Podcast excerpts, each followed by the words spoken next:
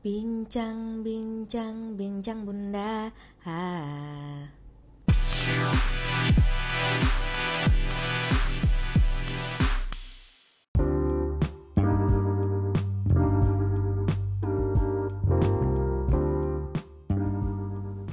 Mudik membawa kenangan indah saat masih kecil dan ketika sudah berkeluarga kembali ke kampung halaman untuk melepas rindu dan bersilaturahmi secara tidak langsung meningkatkan hormon kebahagiaan dan imunitas kita.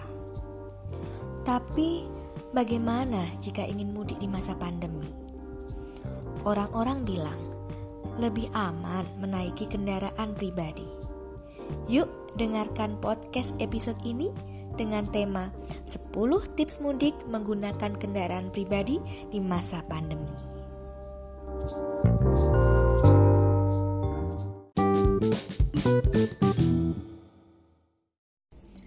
Assalamualaikum warahmatullahi wabarakatuh Ketemu lagi dengan saya Dian Di podcast Bincang Bunda episode ke-16 Dengan tema mudik Ya tema ini memang sudah ditentukan karena saya sedang mengikuti 30 hari bersuara dari The Podcaster Indonesia. Hmm, tema ke-16 ini sebenarnya membuat saya agak-agak melo ya.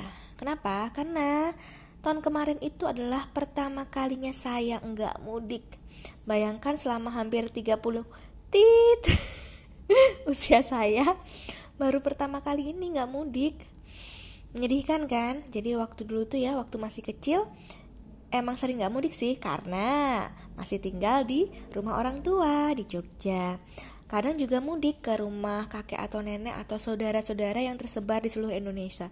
Jadi aku pernah ngerasain mudik ke Lampung, naik mobil yang sampai berapa hari ya?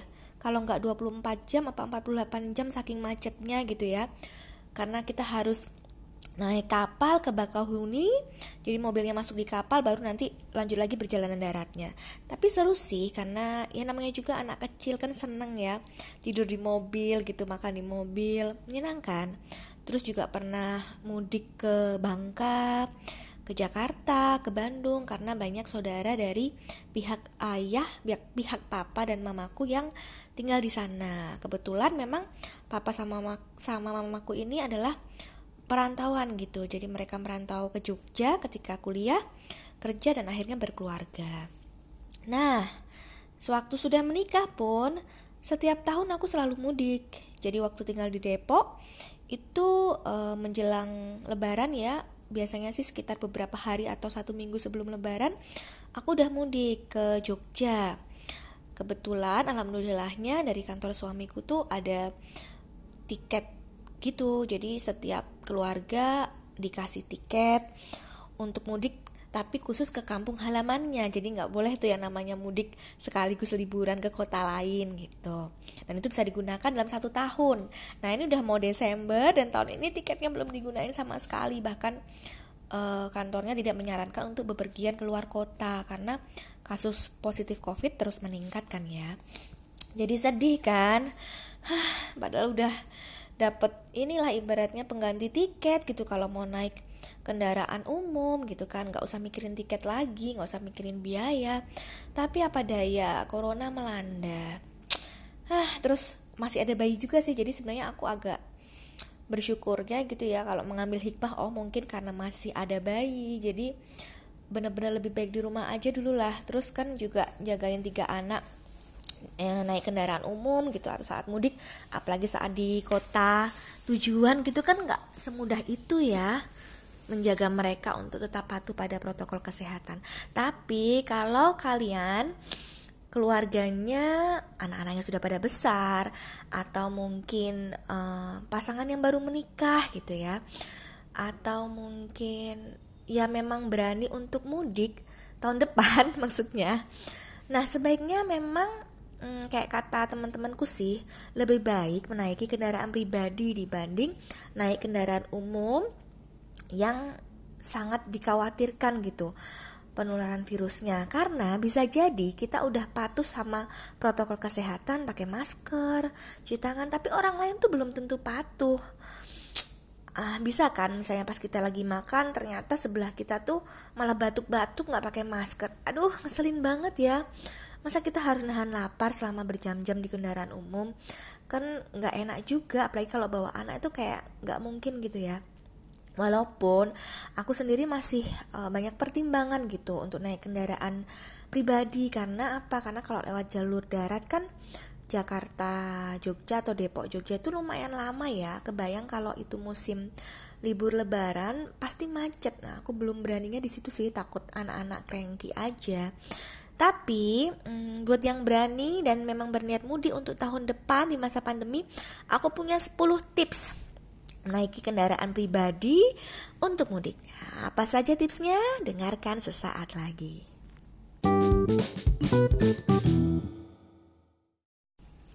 Oke, tips yang pertama adalah buat daftar barang bawaan.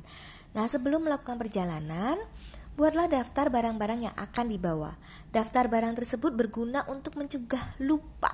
Selain itu, juga bermanfaat untuk mengatur prioritas barang mana yang akan dibawa, mulai dari yang paling penting hingga kurang penting. Apalagi kalau anggota keluarganya banyak ya, kan mobil tuh space-nya terbatas, jadi jangan sampai di, semua dibawa karena saking excitednya atau saking semangatnya gitu mau mudik terus barang-barang yang sebenarnya sudah ada di kota tujuan atau di kampung halaman eh kita bawa juga kemudian tips kedua adalah cek kondisi kendaraan Nah, apabila kamu sudah menyiapkan daftar barang yang dibawa, kini kamu harus mengecek kondisi kendaraan pribadi. Periksa oli mesin dan bawa air radiator untuk menjaga kendaraan agar bebas masalah. Bila kondisinya dirasa masih kurang bagus, lebih baik membawa kendaraan ke bengkel resmi agar diperiksa secara menyeluruh. Jangan sampai sudah mendekati hari H, eh mobilnya mogok atau malah mogok di perjalanan. Aduh, jangan sampai banget ya. Mendingan dicek jauh-jauh hari kondisi kendaraannya agar prima ketika dibawa. Oke, kita ke tips ketiga. Bawa perlengkapan kendaraan. Pastikan seluruh peralatan tambahan tersedia di kendaraan pribadimu. Hal tersebut sangat penting untuk menghindari kondisi darurat. Misalnya, jika tidak ada bengkel saat berada di daerah tertentu, daerah yang terpencil gitu ya, atau terlalu malam malah kendaraannya rusak gitu kan. Kemudian peralatan kendaraan yang dimaksud adalah dongkrak, obeng, tang, kunci pas dan sebagainya. You name it lah. Mungkin kalau laki-laki para bapak gitu lebih tahu ya peralatan apa yang penting yang harus dibawa kalau kalau nanti nggak menemukan bengkel dan terjadi masalah di kendaraannya. Oke, sekarang kita ke persiap persiapan ke tips keempat yaitu persiapkan spare part cadangan. Untuk meminimalisir budget atau biaya, kamu memang harus menyiapkan segala sesuatunya secara mandiri, seperti mengecek kendaraan lebih lanjut, Pengecekan yang dilakukan antara lain performa ban, kampas rem, hingga mesin dan kabel gas. Apabila sudah lama digunakan, maka sebaiknya ganti yang baru.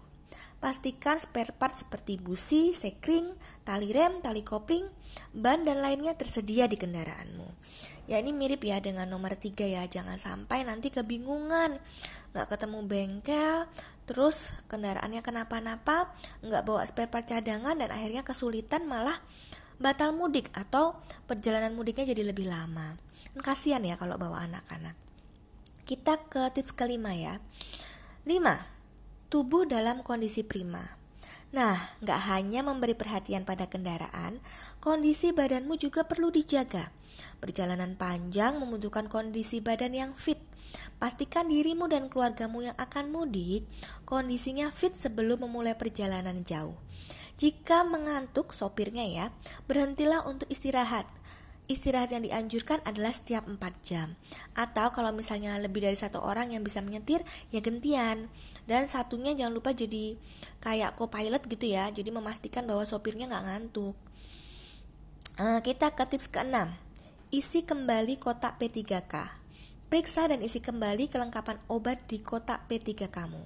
Beberapa barang penting seperti minyak angin, balsam, uh, apa namanya obat merah gitu ya, plester, hingga obat-obatan ringan seperti obat pusing, obat diare, obat mual gitu ya menjadi perlengkapan wajib untuk pertolongan pertama. Periksa juga apakah obat-obatan yang ada sudah melewati waktu kadaluarsanya atau tidak. Nah ini ya seringnya kan ini ya mabuk perjalanan, kemudian pusing gitu atau misalnya terjatuh sampai luka atau berdarah. Nah obat-obat semacam itulah yang perlu untuk dibawa. Obat ini juga ya uh, satunya diare sembelit gitu nggak apa-apa sih bawa aja sih sama obat anti diare tadi. Kemudian nomor 7 tipsnya adalah hiburan lengkap. Saat mudik lebaran, macet menjadi hal yang kerap ditemui di hampir seluruh wilayah Indonesia. Oleh karena itu, sebaiknya lengkapi koleksi entertainment di kendaraan. Misalnya koleksi kaset, ini kaset udah zaman jadul ya. Uh, CD, MP3, MP3 film gitu ya, hingga e-book untuk mengurangi rasa bosan. Nah, kalau anak-anak bawa juga tuh mainan mereka gitu yang untuk hiburan entah buku-buku bacaan bergambar, komik atau peralatan menggambar dan mewarnai atau misalnya boneka kesayangannya, pokoknya yang membuat mereka merasa nyaman dan terhibur selama di kendaraan. Kemudian, tips ke-8 adalah posko gratis kendaraan. Nah, biasanya Beberapa perusahaan otomotif membuka posko layanan gratis di sejumlah titik di jalur mudik. Mereka juga menyediakan satu nomor darurat yang bisa dihubungi jika ada pemudik yang mendapat masalah dengan kendaraannya. Kamu bisa mencari informasi mengenai loko, mengenai lokasi posko-posko tersebut berada dan jangan lupa mencatat nomor daruratnya. Ini untuk jaga-jaga ya dan penting sekali sih menurutku. Kemudian tips ke-9 Pakai data dan baterai. Smartphone identik dengan kehidupan kita. Pastikan baterai dan pulsa telepon selulermu dalam kondisi penuh. Jangan sampai dalam keadaan darurat teleponmu tidak bisa digunakan. Waduh, kebayang banget ya kita nggak bawa power bank, terus uh, mobilnya juga nggak bisa untuk ngecas HP dan tiba-tiba kondisi HP-nya drop semua. Ah, jangan sampai ya. Tips terakhir yaitu tips ke-10 ini kaitannya erat dengan masa pandemi corona yaitu jangan lupa terapkan protokol kesehatan. Bawa masker yang masker medis untuk seluruh anggota keluarga yang akan mudik, bawa hand sanitizer atau sabun kalau misalnya berhenti di tempat yang ada airnya bisa cuci tangan dengan sabun. Kemudian bawa peralatan makan sendiri, bawa botol minum sendiri. Terus tak lupa juga uh, selalu menerapkan protokol kesehatan ketika sedang berada di luar kendaraan. Misalnya harus makan tapi kalau misalnya bisa membawa makanan ya yang gak gampang basi mending bawa sendiri sih kalau menurutku. Cuman kalau terpaksa ya jangan lupa tadi semprot uh, spray desinfektan gitu ya. Terus pakai hand sanitizer dulu sebelum sebelum makan. Ya pokoknya semua protokol kesehatan harus diterapkan seperti itu jangan sampai gegabah gitu ya atau lupa karena terlalu excited uh, atau mungkin panik gitu ya saat berada di luar kendaraan pribadi karena kan tadi tujuannya naik kendaraan pribadi adalah untuk meminimalisir kontak dengan orang luar gitu ya dan lingkungan luar begitu Nah, sepertinya 10 tips mudik ini sudah saya ungkapkan semuanya. Semoga bermanfaat. Ah, closure-nya habis ini ya.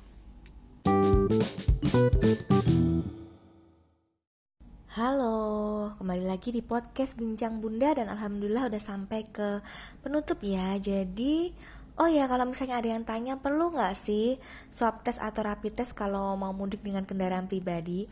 Um, setahu saya sih sekarang memang ini ya belum ada peraturan pemerintah yang menerapkan di perbatasan wilayah itu harus me mengeluarkan atau menunjukkan gitu ya surat keterangan sehat atau bebas corona. Tapi kalian perlu cari tahu dulu apakah ada peraturan daerah yang menerapkannya. Jangan sampai nanti udah mau masuk wilayah kampung halaman, eh ternyata nggak bisa masuk gara-gara belum bawa surat rapid test. Jadi mending dicari tahu dulu peraturan daerah kampung halaman tujuan mudiknya apakah harus menunjukkan surat tersebut atau tidak. Tapi saran saya, kalau misalnya di tempat tujuan mudik ada orang-orang yang berisiko tinggi terkena corona gitu ya, seperti Bapak Ibu kita yang sudah lanjut usia, yang mereka punya berbagai hmm, penyakit bawaan seperti diabetes, hipertensi, atau ada anak kecil, ada ponakan-ponakan kita gitu ya di kampung halaman mendingan kita rapid test deh. Kasihan kan mereka. Maksudnya kita kan juga nggak tahu ya kita ini OTG atau bukan. Jangan-jangan kita OTG tapi kalau kita udah rapid test dan ternyata hasilnya bagus atau kalau memang punya uang ya swab test kalian baru deh kita rencanain untuk mudik tadi. Jangan sampai ketika sudah udah mudik udah sampai di rumah gitu ya ternyata kita OTG terus nularin orang lain nularin orang tua kita kan aduh pasti sedih banget ya. Soalnya banyak kejadian yang kayak gitu. Uh, anaknya gitu mudik dari kota besar terutama Jakarta Depok dan sekitarnya gitu ya. Kemudian ketika dia balik itu orang tuanya tiba-tiba demam sakit dan positif corona. Nah itu ini ya nyesek ya kalau kalau sampai kejadian kayak gitu. Ah jadi mendingan kita jaga-jagalah gitu kan supaya yakin ya tes aja. Apalagi kalau punya duit mending tes lah. Begitu terima kasih sudah mendengarkan sampai akhir. Semoga bermanfaat. Wassalamualaikum warahmatullahi wabarakatuh